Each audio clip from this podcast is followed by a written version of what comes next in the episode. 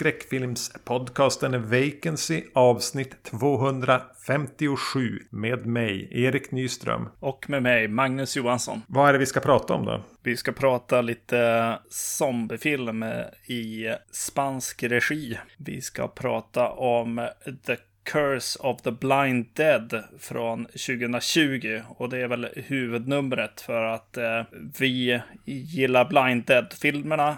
Och nu har eh, någon gjort en ny. Exakt. och sen så har vi som eh, andra film där parat ihop den med The Living Dead at Manchester Morgue från 1974.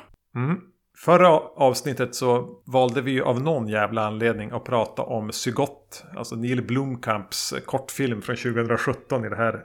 Han har gjort med Oat Studios lite utanför Hollywood-systemet. Och då tyckte vi att det var ganska trevligt. Mm. Och fick för oss att vi ville prata om de, några av de andra kortfilmerna som han gjorde samma år. Vi kommer, kommer att börja med att prata om Firebase lite, lite snabbt här som, som uppvärmning. Mm. Men före det då så har jag hällt upp en ganska skojig öl. Ja. Eh, den är från Närke Kulturbryggeri. Och den heter Asgård Svartmölska. Black Nordic Braggot. Eh, det är en Smoked Honey Porter. Okay. På kapsylen står det även inget blask. Eh, jag vet inte vad som är skillnaden mellan en stout och en porter.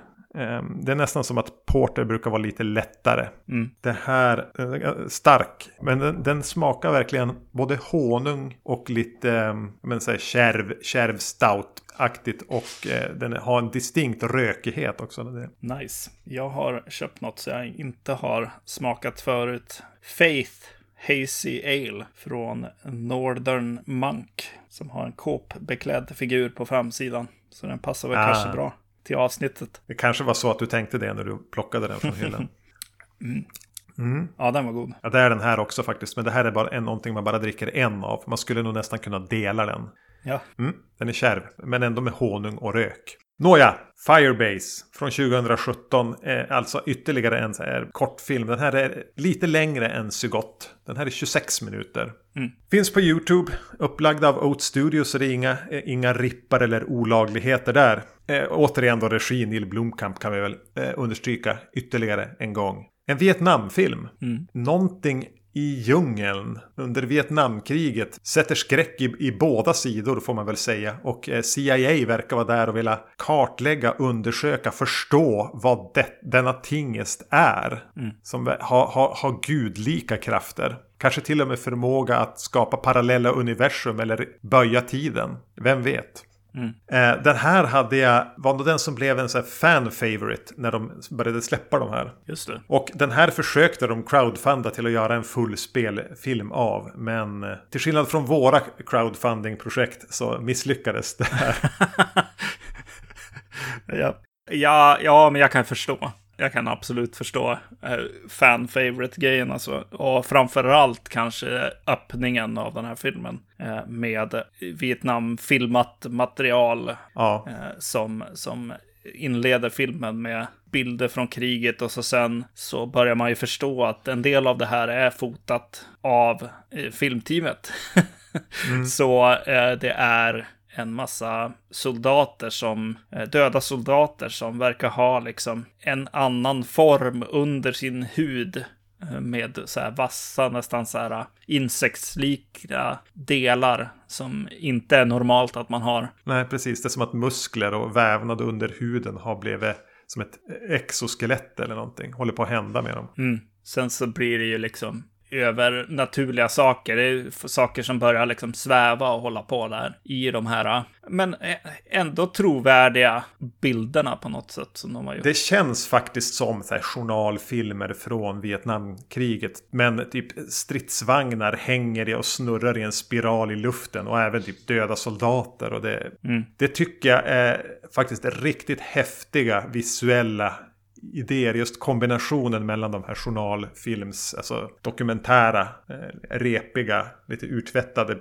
materialet kombinerat med så här märkligheter. Ja. Framförallt skulle jag säga de här grejerna som hänger i luften lite oförklarligt. Ja, precis. Runt något träd eller någonting liksom. Ja, det är coola bilder alltså. Ja. Så man blir ju jag blev lite så här åh coolt, det här kommer att bli skitballt. Och så sen kli klipper de till den här filmen som ska utspelas också. Med en soldat som går omkring med en hand, handgjort spjut och eh, ska gå in i, i en lokal där det känns lite så här, ja men nu, nu är vi inne i den här lågbudget-filmen igen. Skådisen känns, ja vadå, reklamfilm eller? TV om man vill vara snäll. Ja, precis. Daytime TV. Mm, precis, exakt. Ja, jag blev, blev lite så här nervös och kände bara, ja men jag vill bara ha sett det där bör början, kände jag då. mm. Men eh, ja, Alltså den, den tas väl ändå kan ja, jag tycka. Ja men jo, jag håller med den där lilla fighting-scenen där nere med stora träspjutet. Det hade jag inte mycket till övers för. Nej. Men sen, sen dyker det ju upp då någon CIA-agent där i helikopter och tar med sig honom för han är viktig. Eh, och där börjar de korsklippa väldigt mycket med folk som berättar någonting. Och du måste träffa någon som berättar någonting. Och så berättar någon tillbaka till vad det var som ledde upp till vad. Och, alltså den blir extremt rörig. Den har ju egentligen ingen ingen början, mitt eller slut den här tycker jag. Nej. Eh, jag vet att vi, när vi pratade om Sygott så var det som att det var eh, sist, tredje akten av en, av en skräckfilm. Mm. Där man kanske hade utelämnat sista tio minuterna. Medan det här är ju mer eh, eh anteckningar kring en film. Ja. Som man har filmat. Just eftersom den är så kort så gör det mig ingenting. Nej. Lite olika idéer har skrivits ner och filmats och lappats ihop. För att man ska få en, en bild av, alltså få en idé kring vad, vad konceptet är. Vad är the big bad? Vad, och vad är lite stämningen här? Mm. Så, så, den är ju lite, lite rörig, men utan att det gör någonting. Det är lite minnet av rovdjuret på något sätt. Res ja. Resumén man har med sig.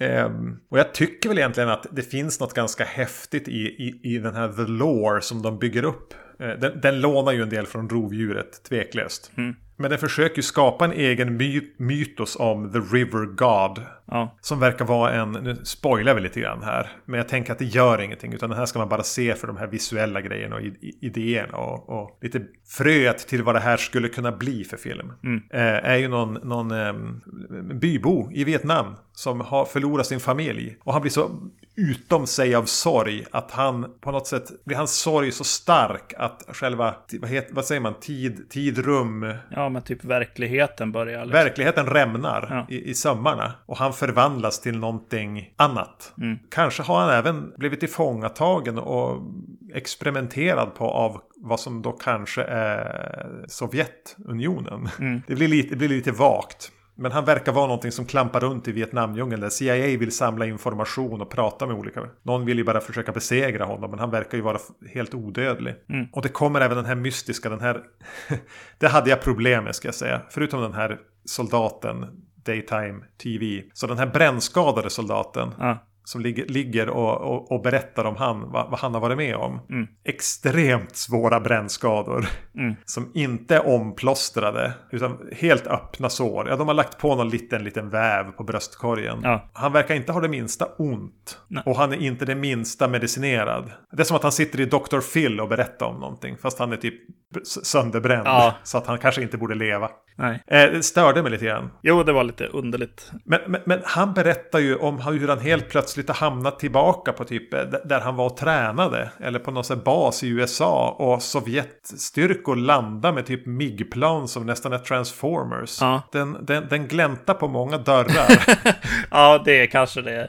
För mig det som stack ut som lite negativt när han är och flörtar i Mecka liksom. Ja. Typer av av estetik här. Och det känns inte som att den här filmen borde ha det. Och det, det, känns som att han är där mot slutet också med någon power suit som han som ska på liksom. Mm. Ja, det, det kändes inte som att det hörde hemma här i Vietnam. Jag förstår väl lite grann att, att äh, den här ryssen har, har på något sätt fått eh, kontakt med The River God och alla hans förmågor och kanske möjlighet att resa i tid och använder det för att invadera USA. Mm. Är, är, väl ett, ett, ett, möjligt scenario som de målar upp som de måste stoppa.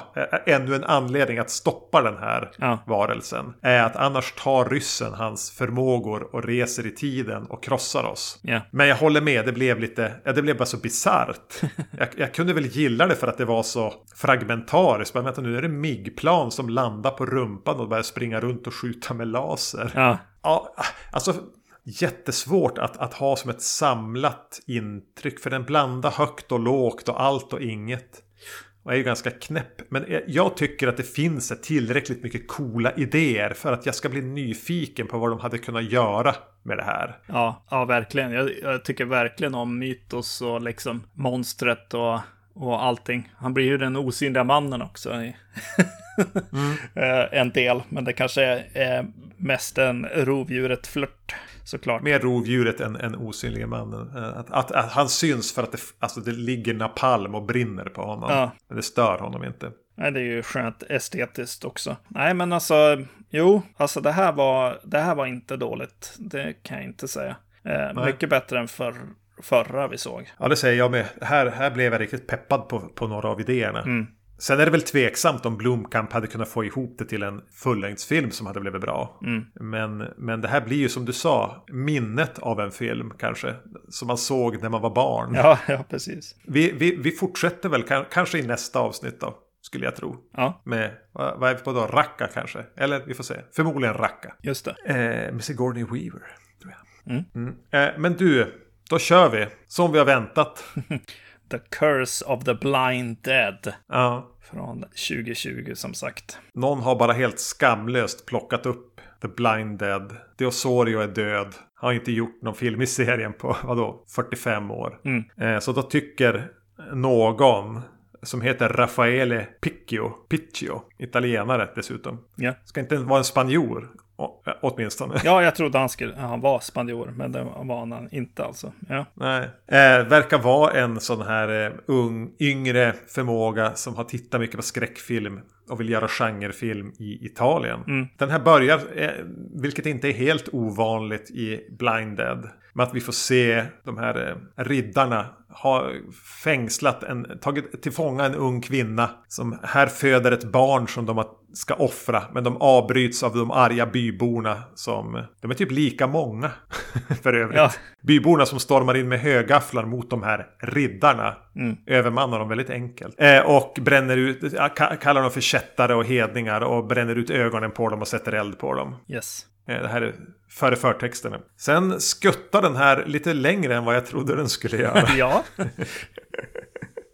För den stannar inte i någon slags nutid utan den hoppar vidare till något slags postapokalyptisk eh, framtid där krig har, och eh, atomkrig har gjort delar av världen radioaktiv och vi presenteras för en pappa och dotter på väg genom skogen. De söker efter någonting som de kan tro vara en, en säker plats efter att ha fångat upp en radiosignal. De träffar på lite olika folk på vägen och hamnar så småningom hos några som bor i en slags fästning. Som till en början kanske verkar vara tryggt men det är det inte. Precis postapa, så jag var inte beredd på det. Nej, nej, inte jag heller. Det är fördelen när man inte har läst någonting. Nej. För det, filmen, från att de har bränt upp de här Templars så börjar den som röra sig under förtexterna och visa lite olika saker genom historien. Korståg och Hitler och Vietnamkriget är de faktiskt då sveper förbi. Mm. 9-11. Och så fortsätter den som bara och börjar prata om ett atomkrig och da, da, da, da, da och fallout och grejer. Det, det, det var lite skoj ändå. Mm. Jag förväntade mig som att den skulle göra en koppling mellan att vara, ja men det här var ondskan då och så här har ondskan sett ut genom åren. Människans ondska och förmåga till ondska. Mm. Och här är vi nu. Och så ska vi som in i en nutid och på något sätt att den här gamla ondskan ska få komma tillbaka. Och så är det väl, men jag trodde inte den skulle fortsätta förbi nu. Nej, nej. Men alltså hur ser den här filmen ut? Exakt. Jag, jag bara, åh nej, ska vi börja efter eh, hur dålig den ser ut, eller på att säga. Eh, den, den, börjar ju, som du eh, har sagt nu, med att de här riddarna, den här tortyrredskapet, liksom, den här korset som hon, som är ikoniskt för eh, The Blind Dead serien kanske. Mm. Det, det, är ju med här då, men de har missuppfattat det till, till att vara någon slags gynstol. Ja. Eller någonting, så hon ska ju föda på den där då. Men ja, alltså de har ju filmat på någon borg eller något ställe i alla fall. Kanske någon nedlagd mm. fabrik, jag vet inte. Men det är Ja, men eh, ett sånt här, tänk det fulaste Instagram-filtret du har sett. De, de kör någon slags rött och blått från, från toppen till botten av skärmen i princip. Ja, det ser fruktansvärt ut. Ja. Och den är ja, men, billig billigt DV-foto mm. skulle jag säga. Vissa, vissa scener från början tänkte jag att ja, det, där såg det okej okay ut. Och vissa ser det så här otroligt platt och suddigt ut. Mm. Ja, precis. Och sen när de åker förbi den här äh, väldigt så här Instagram-filter-röda äh, scenen liksom, så kommer vi till skogen där, där pappan och hans gravida dotter går genom skogen. Och där är det ju det här DV-fotot som när DV började komma Alltså där det blöder över lite grann i, i himlen är helt vit och sådär. Mm. Det ser verkligen jättetrist ut. Ja, det, alltså det, italiensk film var ju eh, från alltså 40, 50, 60, 70-talet väldigt tekniskt skicklig vad gällde foto. Det var ju inte ovanligt att, att uh, italienska fotografer drog över och fota i Hollywood eller övriga Europa. De kunde oavsett vad man kunde säga om en Giallo eller en spagettivästern så var de i, i, nio fall av tio jävligt snyggt fotade. Mm. Det fanns en, verkar funnits en väldigt stark yrkesstolthet i att man kunde hantera kameran, man visste hur man ljussatte, man var noggrann i, i kamerarörelser och liknande. Vad fan hände med den traditionen? Ja. Någonstans började jag tänka på Dario Argento och hur hans filmer kunde se helt magiska ut på 70-talet. Till att hans filmer han har gjort på 2000-talet när han upptäckte den digitala kameran ser ju bedrövliga ut. Alltså ett, ett avsnitt av en svensk tv-serie på ja, men typ Solsidan är ju snyggare fotat än Argentos 2000-talsfilmer. The Card Player, eller vad den heter. Den ja. står väl ut som extra ful där. Extra ful. Och så den här till Piace Hitchcock. Mm. Eh, men jag tror Card Player är värst. Ja. Och det är inte bara det att det är digitalt. För det finns jävligt mycket snyggt digitalt foto. Mm. Eh, utan det är som att man bara har helt spolat den delen av filmtraditionen. Ja. Eh, och nu ska man väl ändå köpa att det här är lågbudget. Men jag tänkte att det är inte så jävla långt ifrån typ The Card Player. Eller sånt där som, där man faktiskt har följt med italiensk genrefilm in i 2000-talet. Mm. Nej. Ja, det är deppigt. Ja. Det är riktigt deppigt. Jo. Nej, det är klart. Det här är ju glada, glada amatörer helt klart som har gjort den här filmen. Mm. Nej, men det ser lite ut som sena eh, Romero-filmerna där som gjorde ju en grej av att de var liksom found footage och så vidare liksom. Men det gör de ju inte här utan Nej. det är ju bara tråkigt och dåliga skådisar. Ja, mycket, mycket, mycket dåliga skådisar. Men du, när de trampar runt i skogen där, mm. passerar de en skeletthand? Ja. Det var inspirerat. Ja, det gillar jag också. För det följs aldrig upp heller. Nej. Men det, det gjorde mig lite intresserad och lite orolig. Mm. Just eftersom man, man sitter ju och väntar på, på tempelriddare hela tiden. Ja. Och att de har skeletthänder, tänker man. Mm, så det var ju ett litet genidrag. Ja, yes. Men, men sen kommer de ju träffa på några som ska våldta henne såklart. Eh, de räddas av något annat gäng. Mm. Ja, alltså det är ju en blind dead-film på det sättet att det kommer okynnes våldtäkter. Ja, eh, och, och de släpas in i den här borgen där någon ledare det, det, verkar vara ett safe haven men det kanske inte till vilket pris så att säga. Mm. Och någonstans här känns det ju även som en asylum-version av The Walking Dead. Ja. Att de bara så snubblar runt i skogen på flykt från eller på väg mot någonting och träffar på olika events eller något. Jag såg bara två säsonger av Walking Dead och lite grann av den där när de är i något gammalt fängelse. Jävlar vad den serien var dålig den. Ja, jag orkar bara en säsong. Ja korrekt. ja. Andra säsongen var så jävla tråkig. Ja. Men jag är lite sugen på att jag tror att det är en sån där som kan bli bra i backspegeln. Just det. Att man ska se den om några år. Mm. Då tror jag att, att den har något. Fått lite patina. Just det. Nej men den känns lite så. Som ett eh, tv-serie-lunk. Och så ska vi in i den här borgen med ja, men fler dåliga skådisar.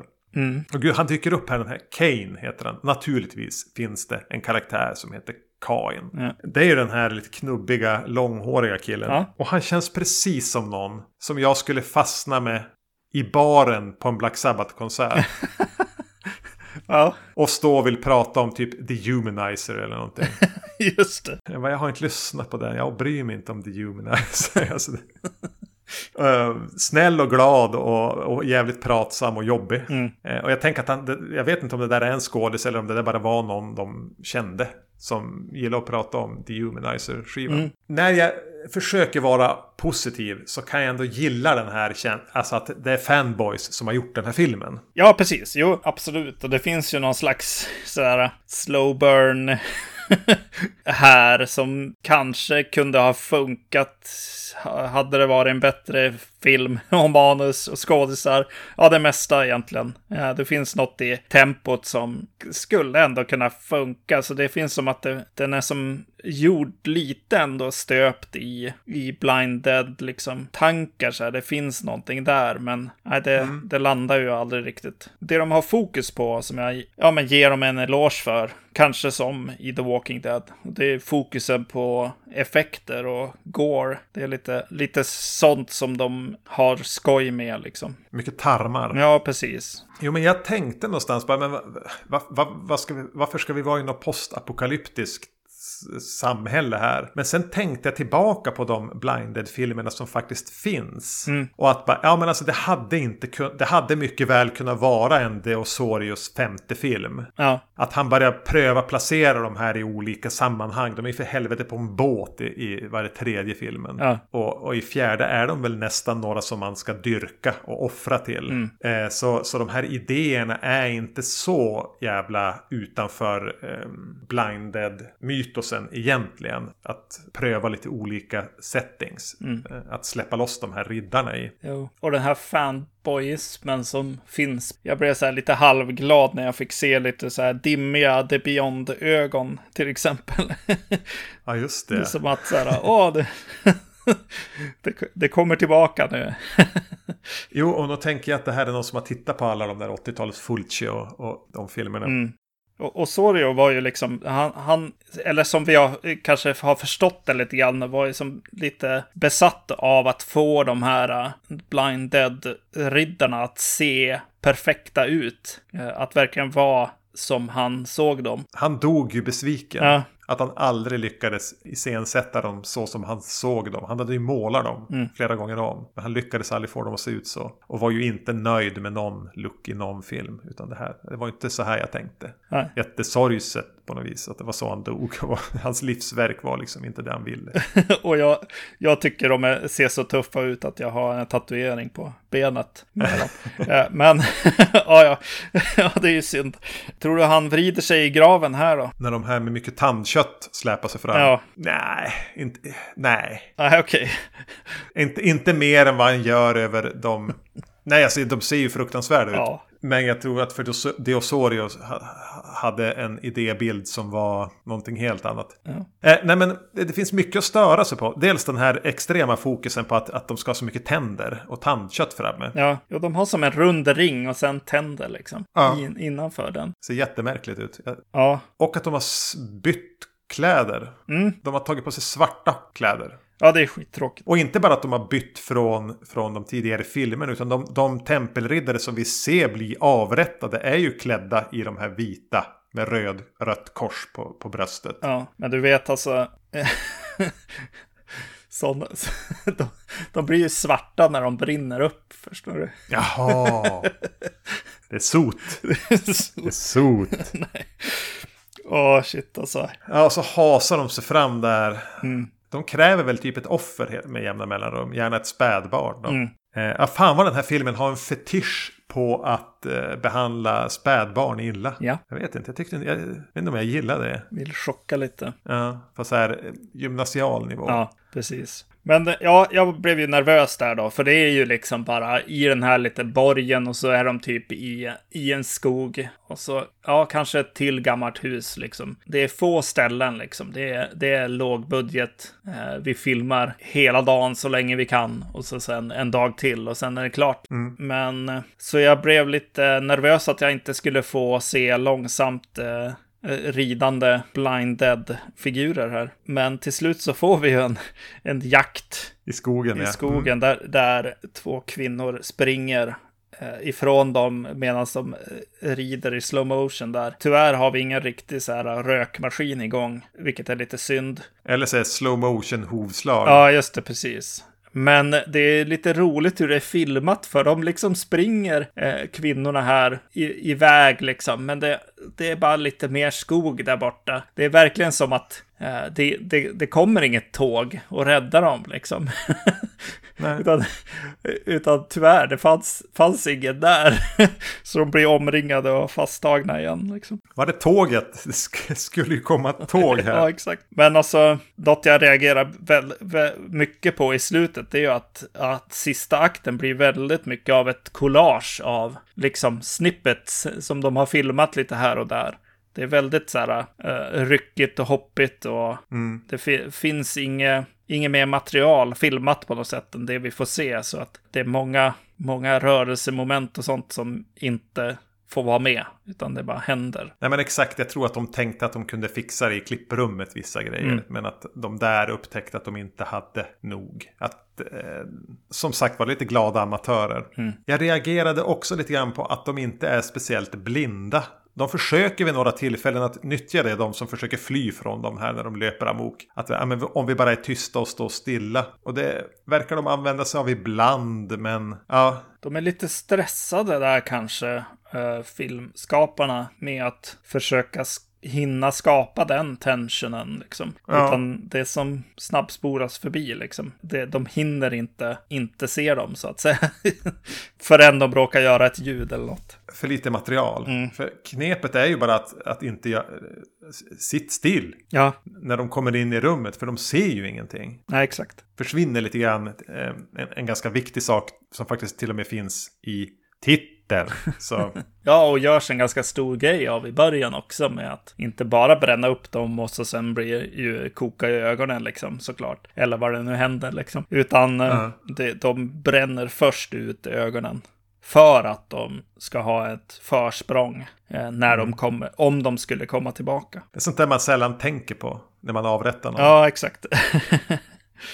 ja, något som var roligt i alla fall, det var att, vad det, att eh, Fabio Testi dyker upp. Ja, just det. eh, Italiens eh, Sean Connery. som, som var med i mycket film och såg precis ut som Sean Connery. Han, han är med och slåss mot, mot pappan här i en fängelsevakt. En ganska sävlig brottningsmatch. Ja, det tyckte jag var roligt i alla fall. Jag blev glad att se honom. Mm, jo, men exakt. Det, det, man ska gräva upp någon sån här gammal, gammal 70-tals skådis Mm. från guldåldern och slänga in om man har möjlighet. Ja, verkligen. Nej, alltså det här var ju, alltså, det här är ju inte bra alltså. Nej men alltså det här påminde mig om sånt här rat jag satt och såg och recenserade alltså för 10-12 år sedan när jag bara ville så här, se till att material vi fick in till Film Fenix eller andra sajter jag recenserade film för. Att vi faktiskt recenserade det så vi skulle fortsätta få in recensionsexemplar. Då såg jag mycket som kändes som det här. ja, Eh, ibland kanske att Uwe Boll hade regisserat. just det. Jo, nej, men det, när du säger det, absolut. Jag gjorde ett par sådana också. Samma kaliber. Det kändes som att jag hade sett den här typen av film några gånger då. Ja. Jag har faktiskt kvar en, en av dem i mitt huvud som jag tänker att vi ska faktiskt se någon gång. men, Ja, men ja, det är inte Uwe Boll som har gjort nej det är det inte. det. Nej. Nej, men ska vi gå vidare?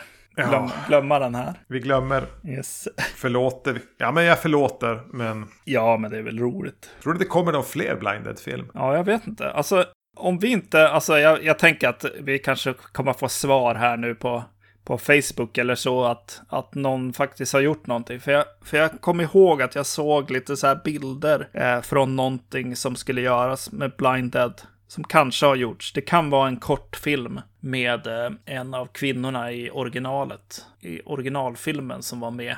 Men ja, jag minns inte vad, vad den hette eller vart man eventuellt kan få tag i den. Skulle vilja se om den blev Oats klar. Studios har säkert eh, som har gjort den. Mm. Så det är den fjärde Neil Blomkamp kortfilmen vi kommer att prata om. Just det. Nej men är det så att om eh, du skulle skörda oerhörda framgång nu i spel dataspelsbranschen och bygga upp ett enormt kapital och knyta, börja knyta kontakter. Och någon skulle säga, men du Magnus, skulle du inte vilja göra en film då? Skulle du försöka göra en blinded-film då? Nej, det skulle nog inte bli det. Nej. Nej. Du skulle göra en Fast and the Furious. Ja, precis. Nej, alltså remake, då är det ju, då är det ju fortfarande Pretty Woman som jag skulle vilja göra en remake på. ja, vi får se vad som händer. Ja. Ja, eh, vi hoppar bakåt i tiden. Vi kryper ner i 70-talet. Yes. The Living Dead at the Manchester Morgue. Eller Let Sleeping Corpses Lie. När jag skulle se den här så kände jag som till att den, jag tror båda titlarna står på omslaget på min DVD. Mm. Så jag gjorde en liten snabb questionnaire på eh, Instagram där man fick rösta på vilken titel man föredrog. Och eh, Let Sleeping Corpses Lie vann med en röst. Jaha. För mig har den alltid varit The Living Dead at the Manchester Morgue. Ja, för mig med. Det är ju en brittiska, eller ut, UK-titeln va? Ja, den har haft väldigt många titlar den här filmen. Mm. Om jag har förstått det.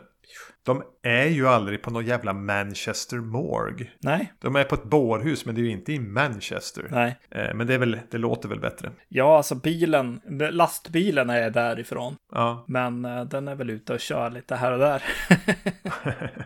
Let Sleeping Corpses Lie, jag vet inte. Nej, jag vet inte heller. Eh, Den kommer heta The Living Dead at Manchester Morgue i avsnittet i alla fall. Ja, Fast att eh, även IMDB tycker att, eh, att uh, Let Sleeping Corpses Lie är titeln. Ja. Den är regisserad av Jorge Grau. George Grau. Jorge Grau. Spansk regissör som sagt var dog 2018 vid en aktningsvärda åldern av 88 år. Mm. Ingen som, jag, jag har ju sett den här tidigare. Eh, men han verkar annars mest vara intresserad av att göra dramafilmer. Ja, Inte någon som har borrat in sig i genren i alla fall. Kanske fanns någon annan skräckfilm på hans eh, resumé. Men, men inte någon eh, som, som frossade i zombies eller så. Eh, utspelas då på den brittiska landsbygden. Där ett ungt par väljer jag att kalla dem för. Eh, även om de bara råkar stöta på varandra här när de är på väg till två olika ställen. De hamnar mitt i en zombieepidemi på landsbygden där de, de nyligen döda verkar resa sig upp på grund av en eh, insektsbekämpningszonar eller någonting. ja. Och de måste ju försöka sätta stopp för det här eftersom polisen tror att det är de jävla hippies som mördar folk. ja. Och återigen, det springer omkring katter här och, och stör. Så ljud i bakgrunden är, är, är det. Ja, det är charmigt. Vi kör på det. Det är livekänsla. Yes. Sist jag såg den här såg jag den på den här äh, baren där de vi- visar, eh, eller visade italiensk eh, skräckfilm förut. De har slutat tyvärr. Så jag såg den för ett par år sedan kanske. Det var lite intressant att se den med ett stort liksom gäng som var där och och, skulle titta och det var ju en stor titel sådär. Men det var, det var någonting med situationen med en stor grupp så här lite, lite så här hängkväll liksom som inte riktigt funkade den gången. Nej, men jag kan förstå det. Är den inte lite för långsam för det? Exakt. Jag, jag, jag, jag tror att det var det. Det- kan ju också vara att de, de just presenterade att, eh, jag tror att det var Ray Lovelock som eh, har huvudrollen här, eh, hade dött under veckan innan de visade Ja. filmen också. En sån downer. Eh, var lite downer. Och då var det jag som var där och presenterade den, eller? exakt, exakt. Nej, men jag, jag kan köpa det lite grann. Det här är nog mer en film du ska råka se, bara råka hoppa in i på femman Ja. kvart över elva en fredagkväll och, och bli sittandes framför än att du ska dra ihop gänget och se en film. Du ska se den här ensam. Precis. Det är väl egentligen någonting jag skulle ha summerat den här med, men eh, jag kan ju säga att den var ju betydligt mycket, mycket bättre den här gången Eh, och eh, jag tror att jag har sett den tidigare också. Och då har den nog också varit bättre liksom, än just den. Så, så det är inte eh, kompisgängs liksom, filmen helt enkelt. Ja, det är ingen romp direkt. Nej. Eh, Jag är ganska säker på att jag har sett den här en gång tidigare och jag tror att vi såg den då. Och det är nog, säg 2002 kanske. Ja, precis. Jo, jo. Eh, Förra gången var länge sedan. Ja. Är det en meet cute när de två huvudpersonerna träffar på varandra? Ah. Nej, det kan man ju inte påstå va. För vad det, eh, det som händer är ju att, att kvinnan här, som ju har något väldigt brittiskt, Edna eller vad hon heter, och hon eh, råkar backa in i Ray Love, Lovelocks eh, motorcykel och sabbar den för, ja, och han måste reparera den. Så han eh, i princip eh, beslagtar hennes bil tillsammans med henne då för att köra till dit han vill eller då dit hon vill. De båda ska till två olika ställen nästan bredvid varandra. Men Det är så roligt. Ja, ja, nu får du i alla fall skjutsa mig dit jag ska. Men jag kör. För du kan ju fan inte köra. Vi kan ju inte backa hela vägen dit. Exakt.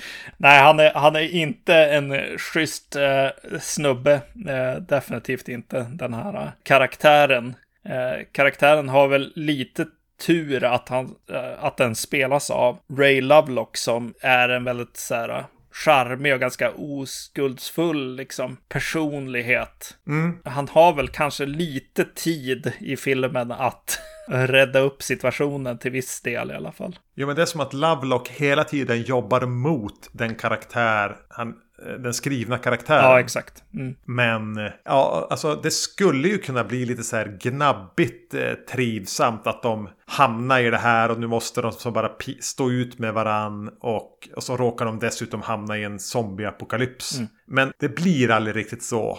Eh, utan det blir mer att han bara är bara jävla douchebag. Och hon är meningslös och, och fånig. Ja. Dynamiken mellan dem blir så jävla slö. Mm. Och, och näst snudd på irriterande. Ja, jo, Det är lite absolut. trist. För det hade kunnat gå att göra någonting. Bara upplägget där att hon råkar backa på han och de ska dit och sånt där. Och så hamnar de i det här äventyret. Det, det har ju potential. Mm. Men det kommer ju verkligen, verkligen ingenstans. Utan blir snarare en belastning.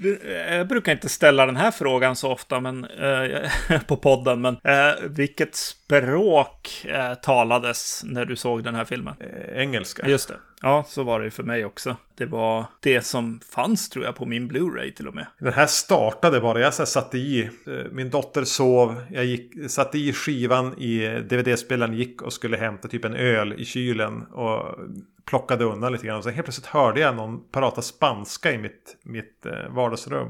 Och när jag gick in var det en så stor VHS-brus i bild på Jorge Grau som satt och presenterade den. Och sen började den bara. Mm. Och då var det engelska. Så jag kollade aldrig språk och så. Utan den bara, den bara drog igång. Den här är en gammal, gammal Anchor Bay-DVD det här. Mm. Eh, varför jag frågar är för att den är ju så jäkulst liksom brittisk och eh, London liksom slang och alltså det känns som att den som har skrivit eh, kanske dubben, kanske filmen, eh, vem vet egentligen, har ju tagit i från tårna med brittiskt eh, slang och, och uttryck och sådär. Det, det känns lite, lite överdriven nästan skulle jag säga.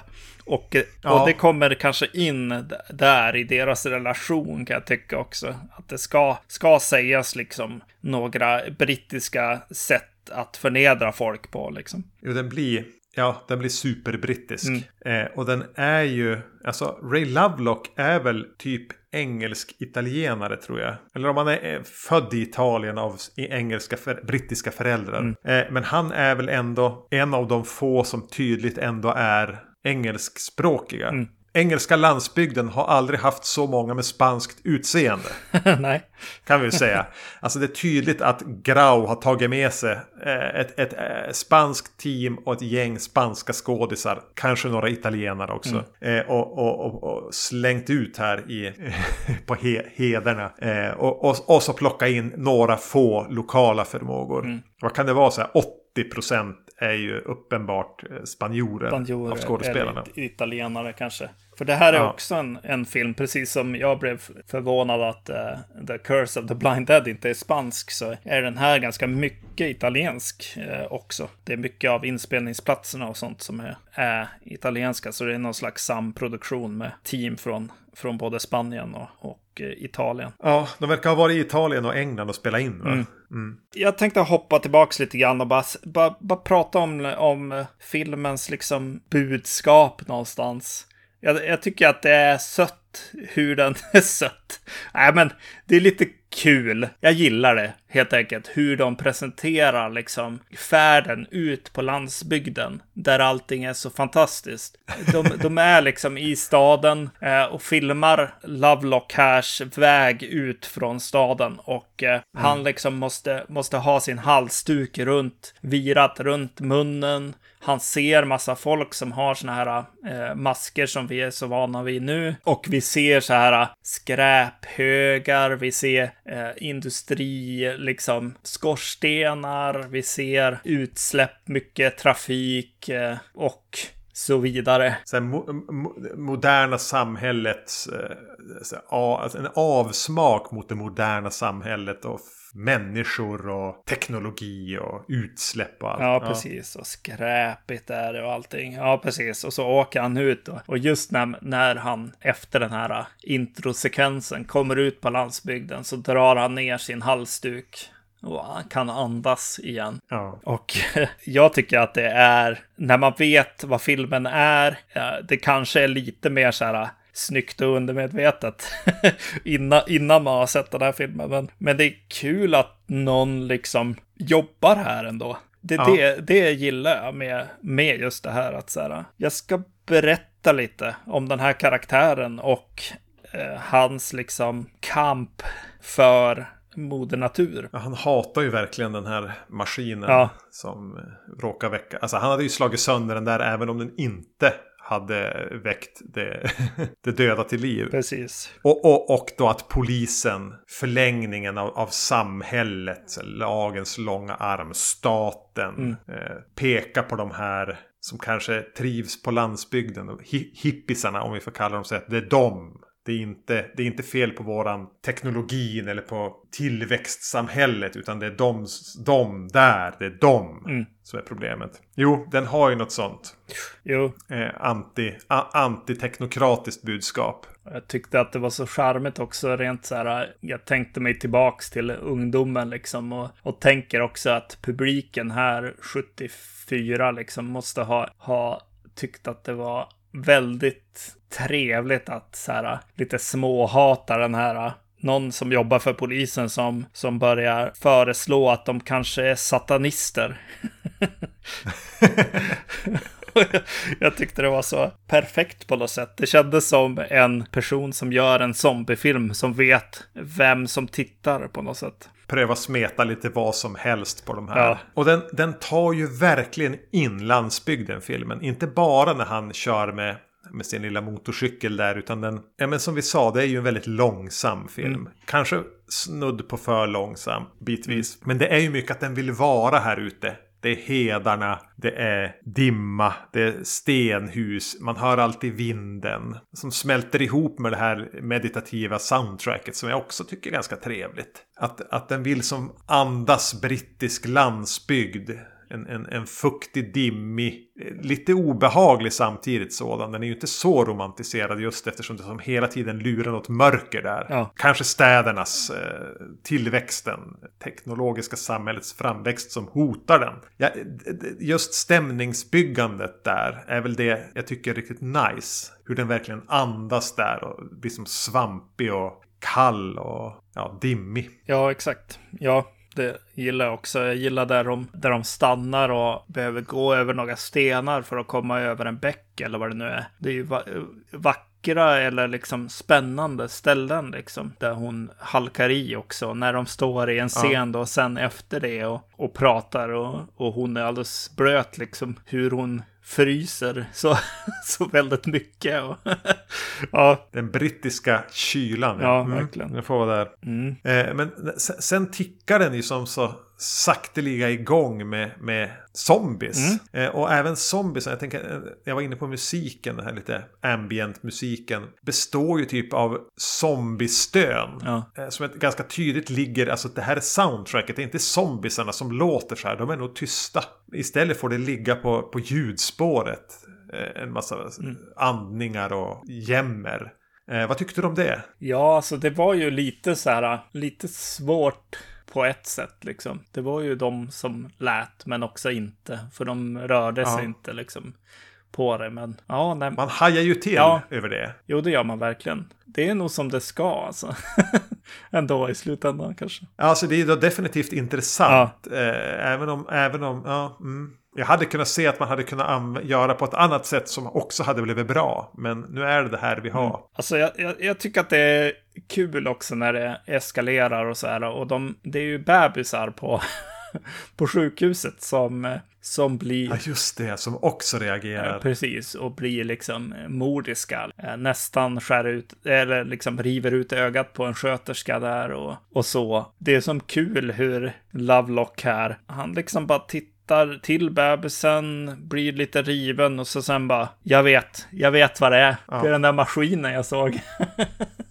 Egentligen skulle jag säga att hela den scenen när de kommer till sjukhuset och han bara dras in, bara råkar befinna sig helt plötsligt på BB-avdelningen där någon sköterska har gjort sig illa och han lär känna den här läkaren mm. som direkt taggar igång på hans idé och de åker ut till den här maskinen. Bara hur han som blir involverad och hjälper till på sjukhuset, blir nästan rekryterad och utan att ifrågasätta som bara hugger in och hjälper till. Mm. Jag tycker det är en skön sekvens med den här läkaren som sen lite försvinner ur handlingen. Som verkligen är på, med på hela hans resonemang. Ja. Trevlig sekvens. Som får, får, sitt eget lilla liv där mitt, mitt i den här eh, ganska långsamma zombieapokalypsen. Mm. Ja, men det är väl viktigt egentligen för filmen att, att eh, just han har koll och att, att det är han som vet hur det ligger till. Liksom. Det är ju själva poängen att eh, polisen, staden är inte, vårt samhälle har inte rätt liksom. Utan det finns något mer där ute. Mm. Ja, men de jagar runt lite grann och sådär och eh, lurar lite poliser och så vidare, men de åker fast igen och så och är hela tiden under luppen där liksom och, och det, ja. det är nog de. Men sen så dyker de ju upp då på kyrkogården och då har de en polis som har liksom följt efter dem, som möter upp dem och blir del i en actionsekvens. Att de blir i typ instängda i någon eh, kyrk eller, något litet kapell eller någonting. Och zombies eh, försöker ta sig in. Och de här zombiesarna är starka. Det är inte... De är långsamma. Mm. Men de är ju farligare än Romeros eh, zombies. Ska vi säga. Ja, exakt alltså. Och, och det här är ju en film där, där den här alltså, långsamma zombien. Jag blev i alla fall inte så här, men gå bara runt dem. Utan de är farliga på riktigt. Det, det, ja. det, det är väl filmat bra och så här och de är nog nära när de väl hit, träffar på dem så att säga eller upptäcker att de är där och så där. Så, och utfallen kommer liksom innan hon, vad heter hon, Edna? Ja. Innan hon hinner liksom bli frusen och liksom rädd som det brukar bli i italiensk film. Att de står lite ja. extra länge medan eh, kniven kommer närmare och närmare liksom. Utan här, ja, känner man att det skulle nog hända mig också. Jag skulle också liksom få få den här zombien eh, över mig. Eh, men det jag ville säga om den scenen, sekvensen, är att jag verkligen gillar polisen som dyker upp där. Mm. Jag tycker han spelar med en väldigt så här, han är seriös helt enkelt med vad som händer. Eh, och ja. Eh, är med, med i en film där zombies är läskigt och sådär. Han är, han är totalt med i händelseförloppet helt enkelt. Ja, jag gillar hans eh, skådespeleri i, i de här scenerna som han är med i. Och han vill ju på något sätt även återupprätta ja, men, förläggningen av staden, förläggningen av staten, alltså i ögonen på de här två hippisarna. Ja. Han gillar ju dem och han vet att de har rätt och han på något sätt vill rättfärdiga sig själv eller göra göra rätt för sig att, att, de har blivit miss, att de har missförstått de här hela tiden. Mm. Han säger ju det. Men nu ska jag kanske försöka få, få en lite bättre bild av polisen ändå. Mm. Sen går ju det som det går. Ja. Men mm, det, det, det, blir en liten fin scen ändå. Ja, och så, ja den scenen har ju också eh, de, de bränner lite zombies. Så där, där kan jag tycka att eh, det är också coolt att zombiesarna blir ja, rädda där. När, mm. de, när de börjar brinna och sådär. Att det här är inte kul för dem. Det, det gjorde, det gav liksom en liten eh, aspekt där till zombiesarna som man kanske inte ser i, i italiensk zombiefilm, liksom i Fulci zombiefilm direkt. Nej. Utan de här är ju också offer för, för den här maskinen då. Eh, som har väckt dem till liv. Ja. ja. men de får ju små försiktiga karaktärsdrag. Mm alla zombiesar. Och jag fick så idéer om att det känns lite underutnyttjat i zombiefilmer att eh, ge zombiesarna mer karaktärsdrag, alltså ge dem mer personlighet eh, som de ändå lyckas göra här. Och jag tänker att det finns mer att hämta inom genren mm. i det. Att, eh, som du säger, att de blir lite rädda och att vi har lite olika karaktärer av zombies. De får lite mer utrymme att vara någonting mer än bara en levande död.